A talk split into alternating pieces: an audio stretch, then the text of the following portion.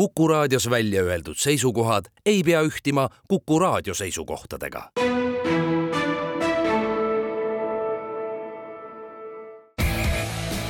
vutikohus. vutikohtul aitab pinget kruvida Pahv tere tulemast kuulama Kuku raadio jalgpallisaadet Vutikohus, mis on eetris igal neljapäeval ning mida juhivad Ott Järvela jalgpalliportaalis soccernet.ee ja Andres Vaher Õhtulehest. Saadet saab tavapäraselt järelkuulata Kuku raadio koduleheküljel ja äpis Player ning samuti iTunesis, Spotify's ja Postimehe spordiveebis. vutikohus võtab igal nädalal jutuks aktuaalsed jalgpalliteemad ning tähtsamad jalgpallikohtumised algab vutikohtu kahesaja teine istung ning alustame, nagu meil ikka kombeks on, eelmise nädala jooksul peetud tähtsamate jalgpallikohtumiste tulemuste ja sündmuste lahkamisest. kui raadiokuulaja paneb tähele, et Andrese hääl kostub natukene nagu kuskilt nurga tagant, siis tal on täiesti õigus, sellepärast et Andres viibib hetkel Eesti meeste võrkpallikoondisega EM-finaalturniiril Itaalias, kus ta seda kajastab. aga jalgpall on Itaaliaga väga hästi kokku käiv asi, nii et jalgpallisaade algab samuti ja algab juttudega Inglismaa jalgpalli kõrgliigast, kus möödunud nädalavahetusel peeti kolmanda vooru kohtumised ning äh, ütleme nii, et, et äh, kohtumisi, mis kõneainet pakuvad, jagub ikkagi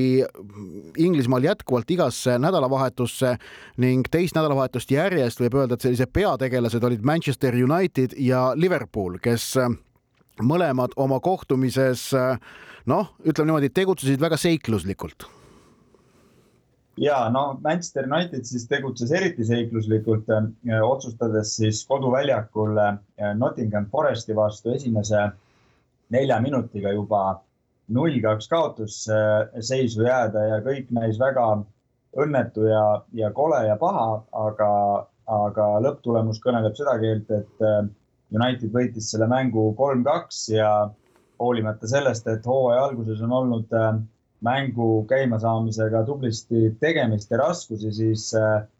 tabelis on, on kuus punkti ja pole hullu ühti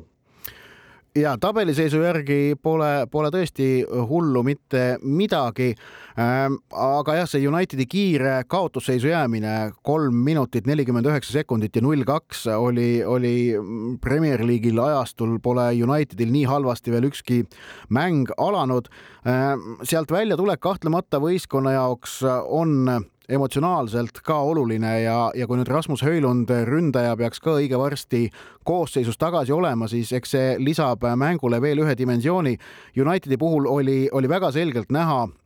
jah, et see mängu algus läks muidugi täitsa aia taha, aga et Margus Rashfordi kasutati sedapuhku vasakul äärel ja kui eelnevalt eh, kahes esimeses voorus oli, oli ta alustanud tipus, siis, siis nüüd alustas ta vasakul äärel Antoni Martial, kelle vorm ei ole küll teab mis hea või, või mängutunnetus ka ei olnud midagi sellist nagu silmatorkavat, mängis nii-öelda tipuründaja positsiooni, aga oli näha, et Erik ten Haag tahtis Ehm, täita selle tipuründaja positsiooni, noh, enam-vähem ükskõik kellega, et anda Rashfordile võimalus mängida vasakul äärel ja olla sealtkaudu ohtlik. ning, äh, ning äh, noh, lõpuks Rashford teenis ju ka penalti, milles Bruno Fernandes seitsmekümne kuuendal minutil lõi võiduvärava. ehk et ähm, säärased nüansid on, on Unitedi puhul tähtsad, mis, mis ja mis veel silma torkab, on muidugi see, et noh, Harry Maguire on ikkagi sinna vahetuspingi täiesti lõppu kadunud ja sealt tal niipea Äh, ülestõusmiseks ei paista šanssi olevat, et, et äh, ei, ei ole äh, Erik ten Haag tema, tema, teda kuidagi nagu edutamas. näiteks Rafael Varand oli sedapuhku vaheajal välja vahetada, asemele tuli Victor Lindelöf ja Harry Maguire jäi pingile. nii et, äh, nii et see on seis äh, Unitedis aga siis see teine sinu mainitud punane meeskond ehk et Liverpool sai noh, maitse asi, aga sai äh, isegi veel äh, keerulisema võidu, sellepärast et võõrsil Newcastli vastu jäädi esimesel poolajal äh, null-üks taha, seejärel kohe ka veel Virgil van Dijk'i viimase lootuse veana arvulisse vähemusse ja Newcastle kontrollis ja valitses seda mängu, aga mitte, mitte piisavalt ja siis viimase kümne minuti väravatest Darwin Nunes vahetusest seitsekümmend seitse pingilt tõusis, kaheksakümmend üks, üheksakümmend kolm lõi ära ja noh, Liverpoolile igatepidi, no absoluutselt igatepidi äh, ülioluline võit ja, ja noh, täpselt sama palju kui neile see võit on oluline, oli see, see kaotus Newcastle'ile valus. ja see on kohtumine, mille tähendus muutus väga kiiresti diametraalselt tegelikult, kui see esimene poolaeg oli lõppenud, paistis, et Liverpooli hooaeg, millesse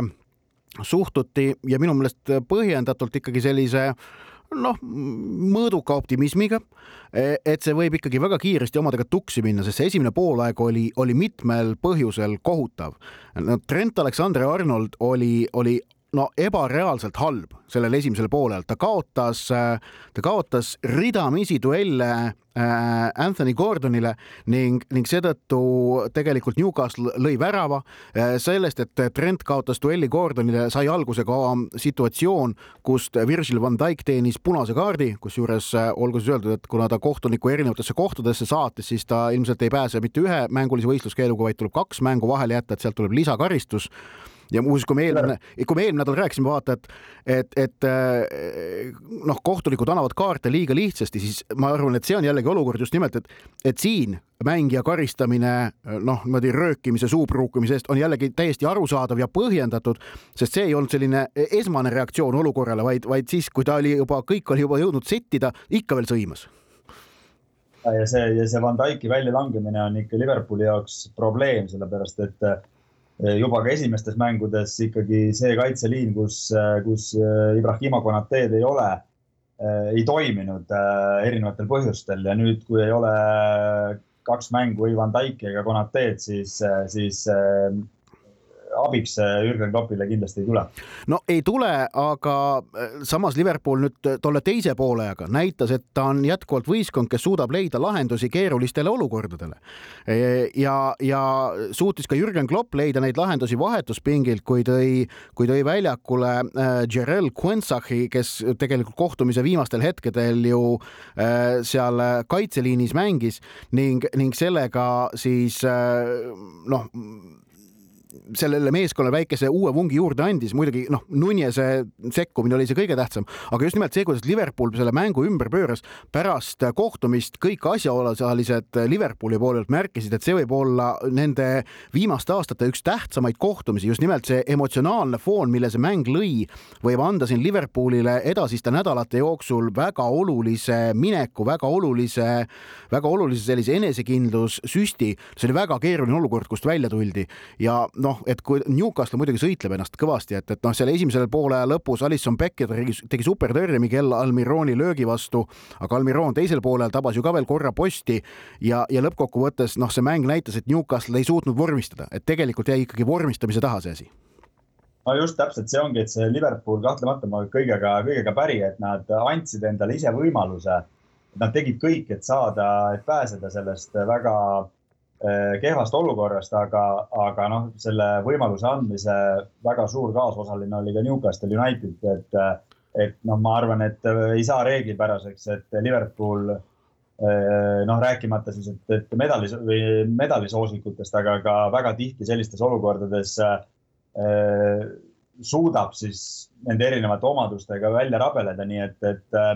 et eks ta, eks ta nagu sihuke klaas pooltäis, pooltühi olukord tekkis. kõige tähtsam on see, et meil on kolm punkti tabelis. Äh, üheksast mängust kaks võitu, üks viik, nii et, et kõik on äh, peaaegu täiesti äh, suurepärane, aga kui ta, ma, ma ühe, ühe, ühe asja ütlen veel selle Liverpooli kohta, et tegelikult oli see ka siis, ma arvan, selline taktikaline Äh, noh, musternäidis, et mida peab võistkond tegema, kes jääb kohtumise alguses kiiresti kaotusseisu ja ka arvulisse vähemusse, kuidas sellisest olukorrast üleüldse anda endale võimalus välja ronida. ehk et see, kuidas Liverpool teise poole alguses suutis hakata mängu summutama ehk et nad tõmbasid mängu, lõid tempo alla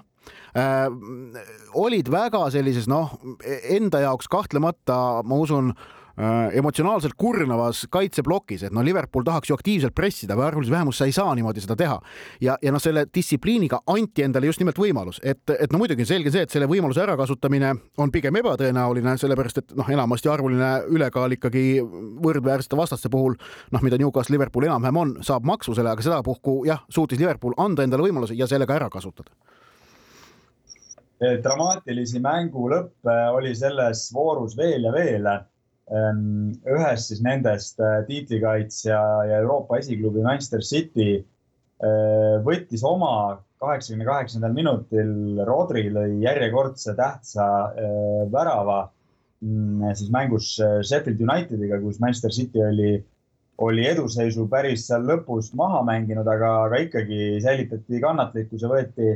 võeti oma ära, aga kui see oli ikkagi kokkuvõttes selline noh, ikkagi selgelt plaanipärane tulemus, siis äh, no teine tiitli küsija, vähemalt nad ise soovivad ennast niimoodi ilmselt määratleda Londoni Arsenal äh, mängis, äh, mängis selle siis täpselt nagu vastupidiselt, kõik, mis juba käes oli, vägagi labaselt maha jah, äh, Arsenal mängis Fulhamiga ja äh, tegi tegelikult äh, ütleme kaheksakümne viie minuti ulatuses päris hea partii. ehk et kui me võtame vahemiku teisest minutist kaheksakümne kuuendani, siis selle vahemiku võitis Arsenal kaks-null. Bukayo Saka penaltid ja penaltist ja Edin Gentiah lõid, lõid need väravad teisel poolel, aga Arsenal alustas kohutavalt. Andreas Pereira viis juba esimesel minutil Fulhami juhtima ja, ja kuigi Fulham jäi ka arvulisse vähemusse kaheksakümne kolmandal minutil, siis ikkagi Arsenali kaitse lõpus ei pidanud saanud ja Joe Palhinja äh, värav kaheksakümne seitsmendal Fulhamile andis viigi, mis tähendabki nüüd, et Man City on ainukene täiseduga võistkond kolme vooru järel. Arsenalil oleks olnud variant nende kõrvale tõusta, kui nad oleks äh, Fulhami vastu eduseisust kinni hoidnud. Nad sellega hakkama ei saanud ja no ütleme nii, et vaata, kuna Man City näitas, kuivõrd eh, võimekad nad ikkagi on nende punktide endale kahmamises, siis eks Arsenal teab väga hästi ja mäletab ka eelmisest hooajast, kuivõrd eh, valus iga punkti kaotus on. Ja eriti, kui need on sellised noh, vägagi välditavad punkti kaotused. oletame, et, et kui sa võõrsil teed Liverpooliga viigi, no siis ei saa nagu punkti kaotusest rääkida, aga kui sa kodus lubad Fulhamil, kes on arvulises vähemuses, lüüa endale kaheksakümne seitsmendal viigivärava, vot need on kaotatud punktid absoluutselt, et äh, muudes mängudes no nii-öelda tulemuse mõttes äh, noh, julgeks öelda, väga suuri üllatusi ei sündinud, kui nüüd Brightoni kodukaotust West Hamile äh, mitte selleks lugeda, noh, arvan, et need on ikkagi, kuigi Brighton oli eelmisel hooajal West Hamis tabelis oluliselt kõrgemal ja, ja hinnati ka nende võimalusi sel hooajal kõrgemalt West Ham vana hea David Moyesi käe all on seda hooaega alustanud väga paljulubavalt ja noh, ma seda tulemust ei nimetaks nüüd liiga suureks üllatuseks. no Chelsea sai esimese võidu kätte, kolm-null alistati Luton Town, vastane noh, on muidugi Premier League'i ilmselt kõige nõrgem võistkond, kellel tuleb kord saata imed väljakukkumist vältida, aga Raheem Sterling lõi kaks väravat ja tema selline silmapaistev roll pälvis palju tähelepanu, et Sterling ja Pochettino on vist mingisuguse omavahelise päris hea mõistmise saavutanud, sellest oli, oli Inglismaal nüüd nädalavahetuse järel päris palju juttu nii kui liikuda juttudega uduselt Albionilt äh, edasi Vahemere kanti, siis äh, Hispaania äh, mängiti ka täisvoor ja, ja siin oli ka väga väravate rohkeid kohtumisi. eelkõige, ma arvan, oli see, oli see märksõna ehk et kui nendest siis alustada võib-olla, siis Madridi Atletico, kes noh, muidu üldiselt on selline hästi konservatiivne ja üks-null meeskond, siis seekord võõrsil Raio Vallecano vastu tegi purustustööd skooriga seitse-null koguni ja teine seitsmeväravaline mäng oli siis äh, Via Realis, kus äh, kodumeeskond oli Barcelona vastu null kaks taga, läks kolm-kaks ette, aga lõpuks kaotas selle mängu ikkagi kolm-neli ja selle kohtumise vaieldamatuks peategelaseks kerkis üks no ütleme siis otse ära, poisike, ikka poisikese ohtu äh, juba staarmängija Lamin Yamal on selle Barcelona äh, mängumehe nimi. kuueteist aasta ja neljakümne viie päeva vanusena sai Lamin Yamalist äh, La Liga noorim sööduandja ja vähe sellest, et ta selle värava söödu andis, lõi ta veel kaks korda Eh, posti oli üldse, üldse seal üle platsi Vinski.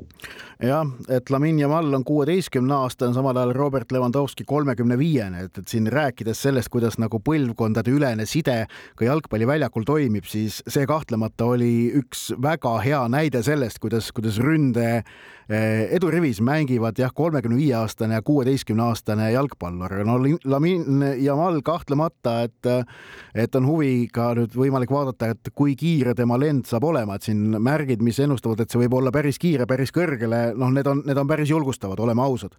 Ehm, aga, aga edukalt mängis ehm, jätkuvalt, kui me tulime udust, uduselt Albionilt on ju juttudega ära,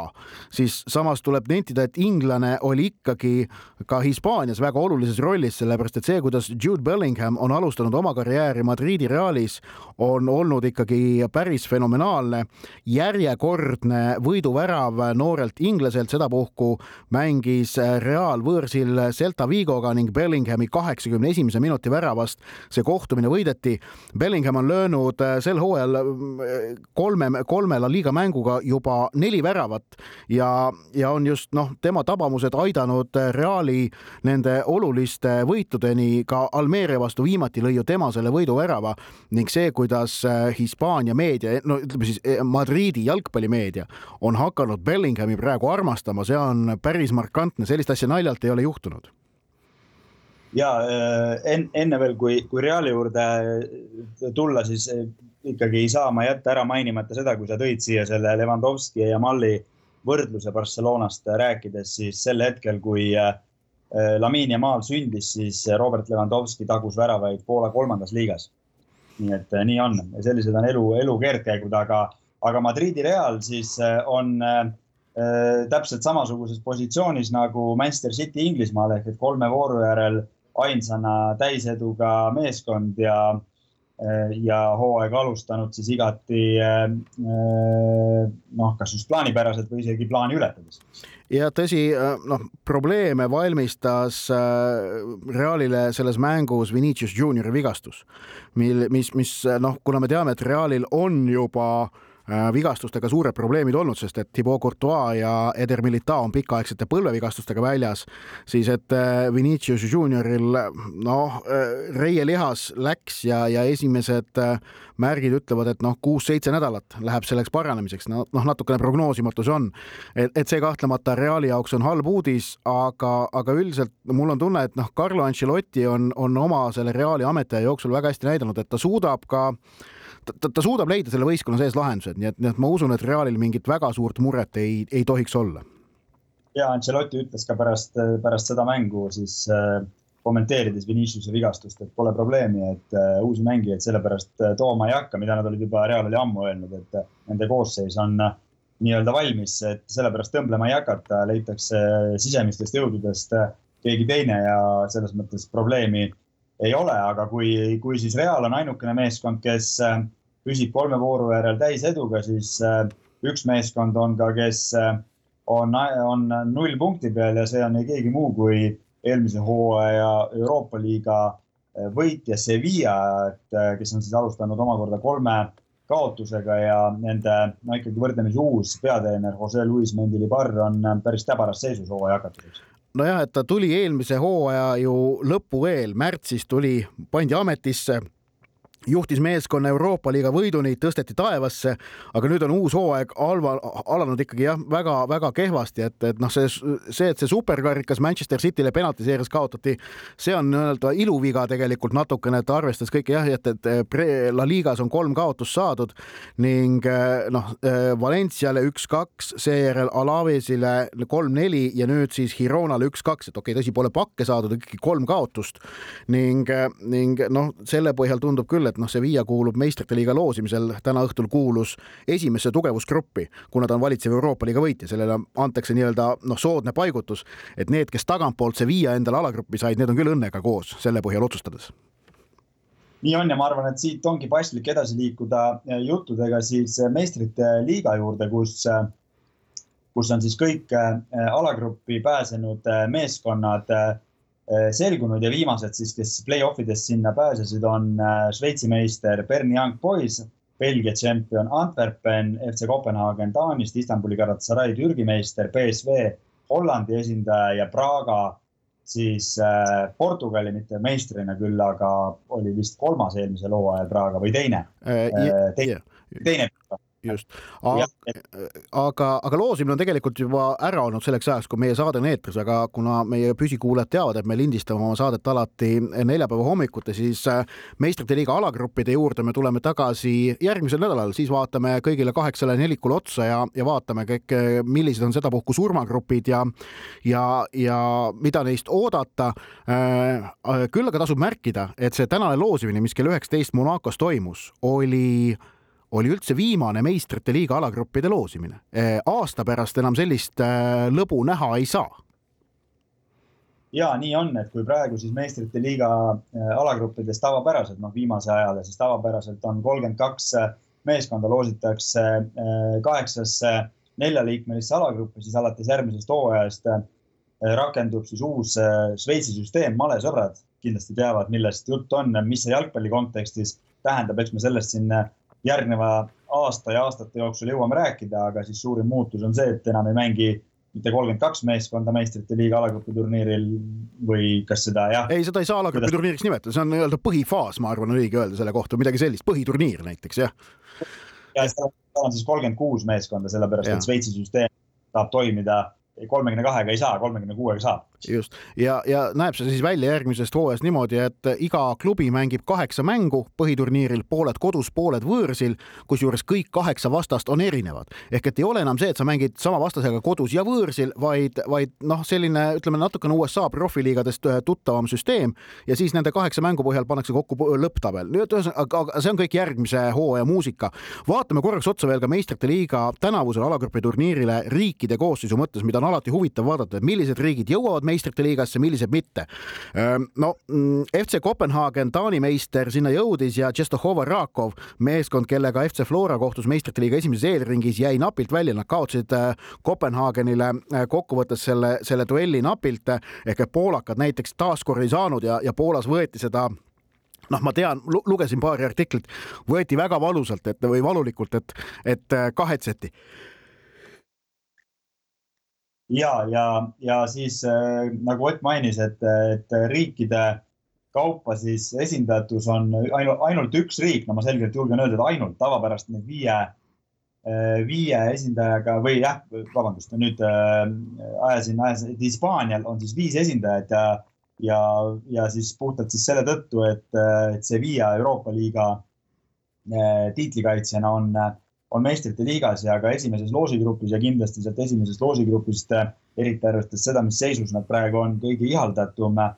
vastane, neli meeskonda siis äh, Inglismaalt, Saksamaalt, Itaaliast, kolm Portugalist, kaks ainult, ma ütleksin siis Prantsusmaalt ja Hollandist ja, ja ühe meeskonnaga on siis esindatud Ukraina, Austria, Serbia, Taani, Šveits, Türgi, Šotimaa ja Belgia. selline päris noh, kas nüüd kirev või mitte, tegelikult riikide esindatuse hulk, arvestades seda, kuidas üldse neid eh, kohti sinna jagatakse, on suhteliselt tavapärane, aga just see viimane seltskond, et mis eh, riikide klubid sinna pääsevad, on, on minu jaoks selles üldse kõige põnevam no see, et Hollandil on kaks, see ma arvan, on täiesti noh, nii-öelda tavaline, nende jaoks isegi äkki isegi natukene edukas, aga, aga tõesti see, et Prantsusmaa taaskord peab piirduma kahega, näitab ikkagi seda, millises olukorras Prantsusmaa liiga on, kus Pariis Saint-Germain on ikkagi noh,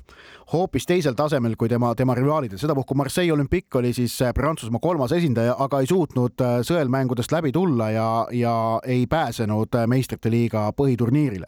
nii et prantslasi, Prantsusmaa taaskord jah, kahe klubiga esindatud esindatud. ja, ja, ja siis see teine meeskond, Lens, kes eelmisel hooajal Pariis Saint-Germainile äh, äh, Prantsusmaa liigas äh, kõva tiitliheitlus andis, lõpuks ühe punktiga kaotas, on nüüd siis konkurentsi jäänud meistrite liiga kolmekümne kahest klubist siis selle UEFA punkti ehk ranking'u näitaja järgi üldse meistrite liiga nii-öelda selle järgi kõige nõrgem meeskond. vutikohus, vutikohtul aitab pinget kruvida Pahv vutikohtu kahesaja teine istung jätkub ning liigume nüüd juttudega Eesti meeste jalgpallikoondise juurde, sellepärast et äh, eile päeval teatas peatreener Toomas Häberli nimekirja mängijatest, kes on kutsutud meeskonda eesootavateks Euroopa meistrivõistluste valikmängudeks Rootsi ja Belgiaga. Rootsiga kohtub Eesti üheksandal septembril A Le Coq Arena'l, pileteid veel natukene on saada ja Belgiaga minnakse vastamisi kaheteistkümnendal septembril detsembril Brüsselis. kaks väga tugevat vastast Eesti koondise jaoks, aga sellest, mis on variandid neist mängudest punkte saada või mis üldse peaksid olema sportlikud eesmärgid, sellest me räägime Vutikohtu saates järgmine nädal. praegu aga keskendume just nimelt Häberli valikutele, mida võib tema sedapuhku äh, avaldatud nimekirjast välja äh, lugeda ning noh, ma arvan, esimene asi, mida me peame mida tuleb, tuleb rõhutada võrreldes siis juunikuise nimekirjaga, on see, et, et keskkaitses on olukord oluliselt tugevam ja äh, võrreldes siis eelmise aknaga äh, on äh, terves koondises, siis konkreetselt selles osakonnas siis juures Joonas Tamm ja Maksim Baskotši. no eeldatavalt siis kaks meest, kes vähemalt tavapärases olukorras koos Karol Metsaga peaksid selle kolmemehelise keskkaitseliini moodustama. lisaks siis neile on veel on, on, on veel valikus neli keskkaitset, et seekord on siis äh, vähemalt sellised põhikohaga keskkaitsjad ehk siis Nikita Baranov, Märten Kuusk, Rasmus Peetson ja Markus Sepik samuti, et selles mõttes on teinud, on teinud Häberli tavatu valiku, kui muidu tema sellised positsioonide järgi otsused on kõik äh, sellise üsna kindla mustri järgi, siis, äh, siis äh, tavapäraselt on kuus keskkaitset, seekord on koguni seitse koosseis. no kas sealt võib äkki välja lugeda varianti, et kaalutakse näiteks Rasmus Peetsoni kasutamist keskväljal või noh, okei okay,, pigem ei usu, aga, aga noh, ma arvan, see kuskil seal ütleme niimoodi nende äh, lahenduste lehel ta kuskil ääre peal ikkagi kirjas on, et, et midagi säärast võib ka olla, sellepärast et noh, see traditsiooniline kaitsev poolkaitsja on Eesti koondise koosseisust ikkagi puudu, sest nii Markus Soomets kui Vladislav Greida, noh, selle ala spetsialistid mõlemad on jätkuvalt vigastatud ja see on tõsi jah, et ja lisaks siis, kui see keskkaitsjate osakonna jutt lõpetada, siis tuli pressikonverentsil Äberliga juttu ka Eesti kõigi aegade parimast keskkaitsest ja üldse võib-olla parimast siis jalgpallurist Ragnar Klavanist. ta lubas siis Klavanil silma peal hoida, see oli päris mm, vahvasti öeldud. no, no selle kohta on, e, e, eks see oli natuke naljaga öeldud, no tegelikult, aga, aga noh, siin tuleb nagu reaalselt mõelda selle peale, et et noh, oleme ausad, oktoobrikuu aknas pärast kodumängu Aserbaidžaaniga tuleb kodune maavõistlus Taiga. maavõistlusi on praegu koondisel pidada võimalik üpriski vähe, et, et noh, ei tea, mis täpselt Ragnar Klavani plaanid on, aga, aga kui tahta Äh, kui ta ise tahab ja noh, jalgpalliliit, ma usun, kindlasti tahab, aga kui, kui Klaavan ise tahab endale nii-öelda lahkumismängu, siis selle tai mäng selleks oleks nagu väga paslik ja, ja noh, seal ei oleks ka mingit probleemi, et noh, ma arvan, et äh, see Tallinna Kalevi mahvi pealt noh, seitsekümmend minutit teeb rahulikult ära see, mis ta ka Tallinna Kalevis praegu on mänginud. aga eks näis, mis sellega lahendatakse selles, et Ragnar Klavan kunagi äh, mingil hetkel väga pidulikult ja uhkelt erru saadetakse, selles ma ei kahtle. aga, aga naaseme Eesti koondise praeguse koosseisu juurde ja kaitsjatest veel rääkides, siis on eh, seitse keskkaitsjat ja kaks vasakkaitsjat, need on Artur Pikk ja Ken Kallaste, nagu arvata võib, aga mitte ühtegi parem kaitsjat, mis minu meelest on, on eh, nii-öelda Häberli poolt väga selge ja suur usaldusavaldus Vlassi Sinjavski suhtes. Sinjavski, kes eh, haaras põhikoosseisu koha, sellise stabiilse koha endale minu meelest selle märtsikuise maavõistluse võistlusega Ungaris, kus ta, kus ta mängis väga südikalt ja on seejärel Häberli poolt väga suurt usaldust nautinud, kõigis kolmes valikmängus põhikoosseisu kuulunud ja, ja kui ma ei eksi, kas ka kõik kolm korda üheksakümmend minutit mänginud. ehk et, ehk et noh, Sinjavski koht äh, äärel, noh, sedapuhku siis paremal, paistab olevat väga kindel ja noh, nat-, Lassi Sinjavski on natuke nagu märkamatult tõusnud selliseks Eesti koondise põhimeheks, aga kui vaadata seda, kuidas tema klubikarjäär läheb, ehk et ta Tšehhi kõrgliigas Slovatško jalgpallimeeskonnas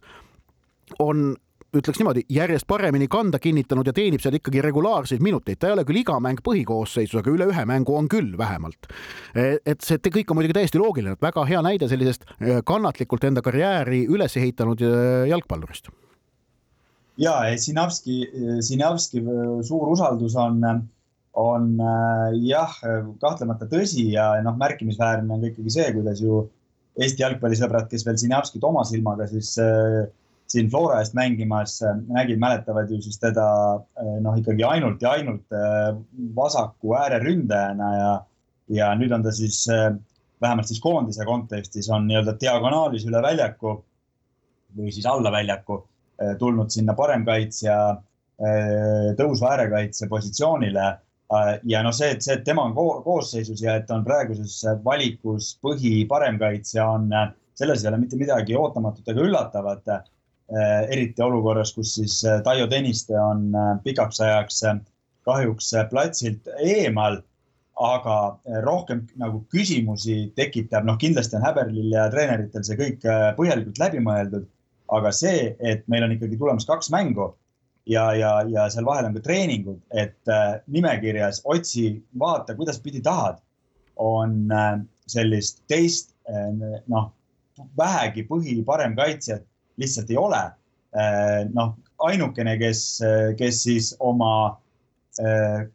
kogemuse või, või mängude äh,, mängudega sellele kohale võiks veel siis nii kandideerida, on Maksim Baskotši no ikkagi ka, aga, aga ka Hendrik Ojamaa tegelikult. Ja, ja Ojamaad on ju kasutatud äh, ka ääre nii-öelda selle noh, wingback'ina või tõusva äärekaitsjana, mida Eesti koondis kasutab, et, et Ojamaa on ka seda positsiooni mänginud.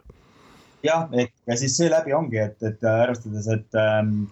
noh, järelikult siis äh, noh, ainuke küsimus on see, et miks siis ei valinud äh, kõike seda arvestades, ei valinud Häberli Mihhail Lillanderi aga noh, selline oli siis tema otsus ja, ja kindlasti on sellel omad, omad põhjused, et, et Leander, noh, võib öelda jälle, valituks ei osutunud, nii et, et, et niimoodi on siis otsustanud Häberil need äärekaitsjate positsioonid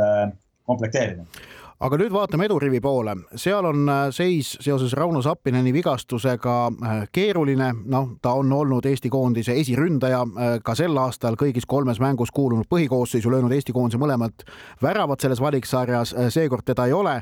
Henri Onier ja Erik Sorga tavapäraselt rivistuses, siis ütleme, sellised nii-öelda toetavad ründajad, kes võivad mängida nii edurivis kui ka äärel, on Sergei Zenjov ja Henrik Ojamaa ja, ja aga üks ründaja koht on nii-öelda äh, olnud siin nüüd viimasel ajal ikkagi ringluses. eelmisel hooajal täitis seda enamasti Robert Kirss, siis vahepeal oli Sten Reinkordi kord, aga nüüd sai kutse Alex Mattias Tamm. Ehk et see näitab, et see nii-öelda viimase ründaja koht, noh, see on see ründaja, kes kes, kelle, e-, kelle roll on tulla võib-olla viimaseks kümneks minutiks ähm, pakkuma teistsugust lahendust edurivis, oleme ausad, et noh, põhikoosseisud enamasti ei kuulu aga, aga et see on Häberli silmis väga selgelt ringluses ja ta sinna võtab niimoodi mängijaid, no oleme ausad, hetkevormi põhjal. ehk et Alex-Mattias Tamm on viimase kuu ajaga ennast paremini käima saanud, löönud premium-liigas väravaid ja sellepärast sai tema kutse ning Sten Reinkord äh, ei saanud seekord. Jah, ja, ja, ja noh, Robert Kirsiga on lugu selge, Robert Kirs pärast seda, kui ta Poolast äh, tagasi tuli Eestisse Levadiasse äh,,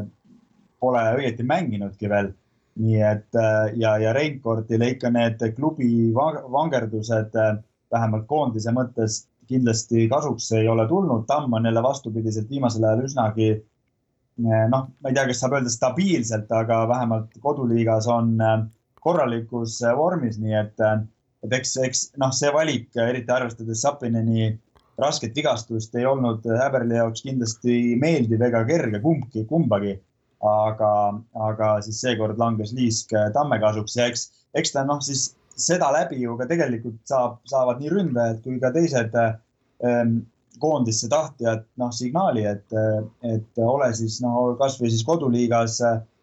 vormis ja, ja kui, kui muud asjaolud klapivad, siis on, on võimalusi ja aga no üldiselt muidugi Häberli valikutes teab, mis suuri üllatusi ei ole,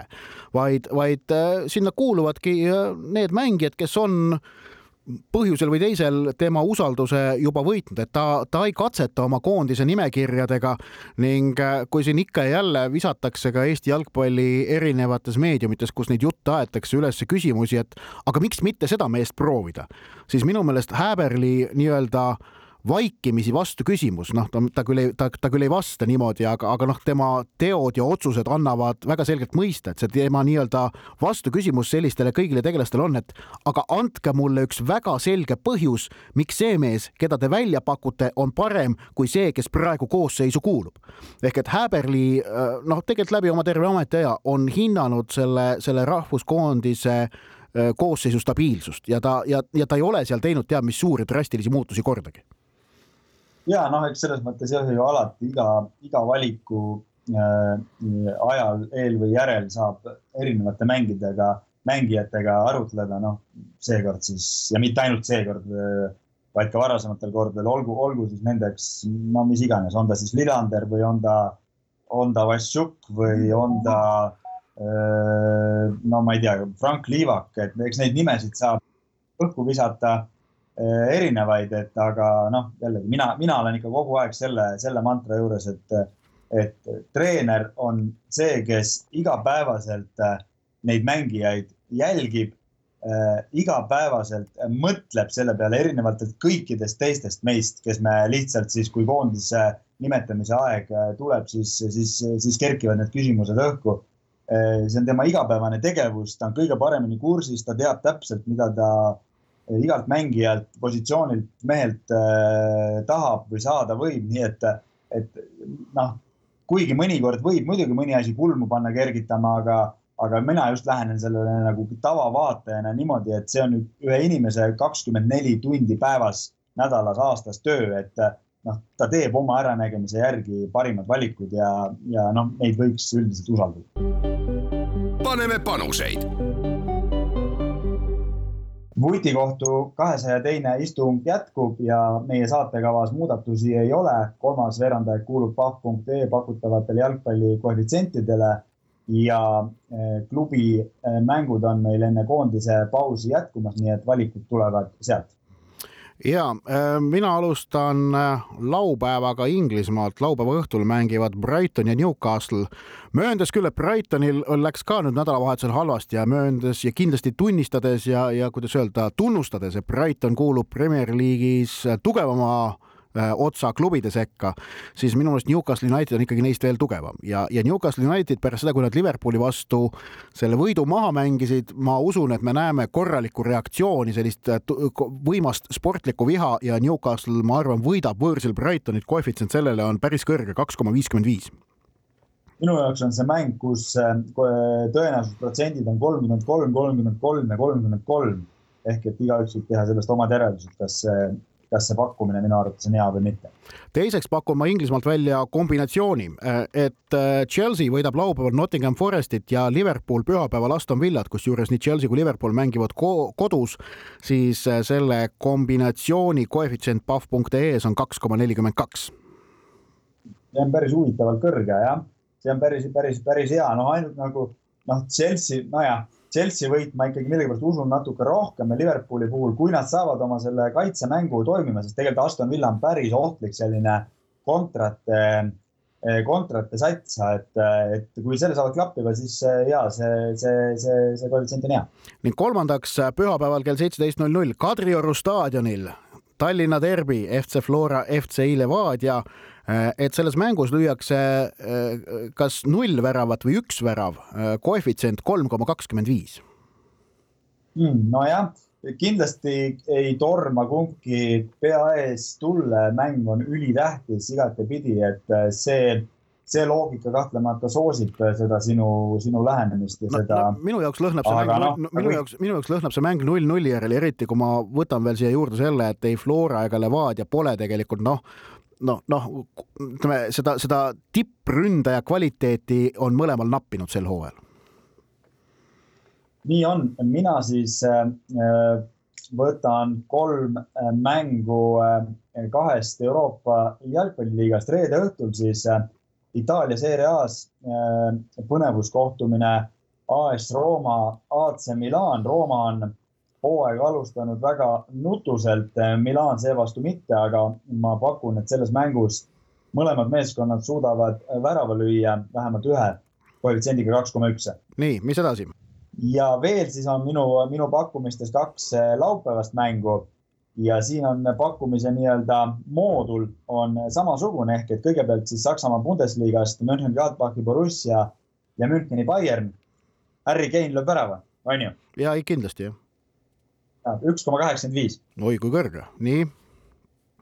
ja siis äh, õhtul mäng Napoli ja Lazio ehk et äh, Itaalia eelmise hooaja äh, kaks esimest meeskonda omavahel vastamisi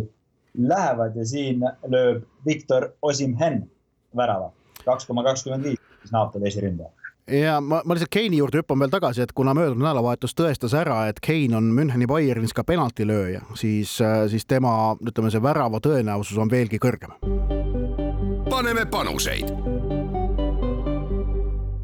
vutikohtu kahesaja teine saade alustab oma viimase osaga ning vaatame nüüd põgusalt otsa eeloleva nädala jooksul peetavatele tähtsamatele jalgpallikohtumistele. õigemini tegelikult me räägime eelolevast kolmest päevast, sellepärast et uue nädala esimeses pooles tippjalgpalli ei mängita, kuna erinevad koondised valmistuvad Euroopa meistrivõistluste valikmängudeks, mis siis neljapäeval uue hoo või uue selle aknaga peale hakkavad. nii et me räägime mängudest homme, ülehomme ja pühapäeval. no eh, homme õhtul, nagu öeldud, AS Rooma, AC Milan plaanimäng kahtlemata kahtlemata Euroopas tähelepanu püüab ning e, kellel on tahtmine näha Ragnar Klavanit Narvas, siis kell kaheksateist null null on selleks võimalik, kui Narva Trans mängib Tallinna Kaleviga, aga laupäeval on programm juba mõnevõrra tihedam nii kodumaal kui ka välismaal. ja alustame siis äh, kell neliteist kolmkümmend Harju Laagri ja Pärnu Vapruse mänguga, siis Inglismaa klassikaline laupäevani kell seitseteist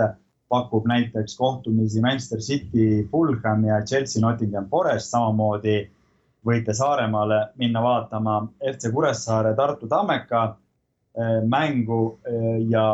õhtusse siis eh, juba oli, oli räägitud, et eelmises saate osas, et Napoli, Lazio ja Mönchengladbachi Borussia Bayern, aga siis ka see laupäeva õhtune ja laupäeva õhtune mäng Inglismaa Premier League'is Brighton Newcastle kindlasti on huvitav ja, ja oluline ühteviisi. just, aga selle äh, eeloleva nädalavahetuse nii-öelda hittpäevaks igasuguse kahtluseta nii Eestis kui ka välismaal on pühapäev. ja, ja võtame esmalt ette, mis juhtub Premium-liigas ja Premium-liigas lähevad vastamisi eelmise hooaja esineliku võistkonnad. hetkel nad tabelis esinelikut ei moodusta, aga, aga võib juhtuda muidugi, et selle vooru lõpetuseks juba moodustavad, kui seal tulemused juhtuvad nende jaoks täitsa sobilikul moel minema. eks näis, igatahes kell neliteist kolmkümmend on Paides vastamisi sealne linnameeskond ja Nõmme Kalju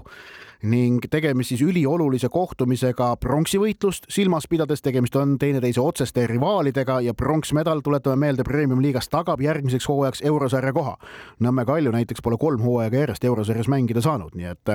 nii et panused on kõrged ja, ja Kalju olukord on Paide omast selles mõttes ka parem, et, et kui Kalju sai nädalavahetusel kena neli-üks võidu Kuressaare üle, siis äh, Paide Narvast naases null-null viigiga ja oli, oli täis noh, pettumust ja ausalt öelda isegi nõutust, et kuidas kuidas see mäng nüüd niivõrd mannetu oli, et Paide Leer oli, oli päris mures? ja äh,, aga arvestades kõike seda, et noh, Paidel ikkagi noh, noh ikkagi ei lähe siin kuidagi äh, viimasel ajal ja üldse terve hooaeg koduliigas on ikkagi nagu väga konarlik olnud, siis leida ennast äh, kõike seda arvestades olukorras, kus sa oled enne mängu oma, noh, ikkagi ma ütlen otsese ja suurima pronksi rivaaliga olukorras, kus sa oled ainult kahe punktiga neist maas,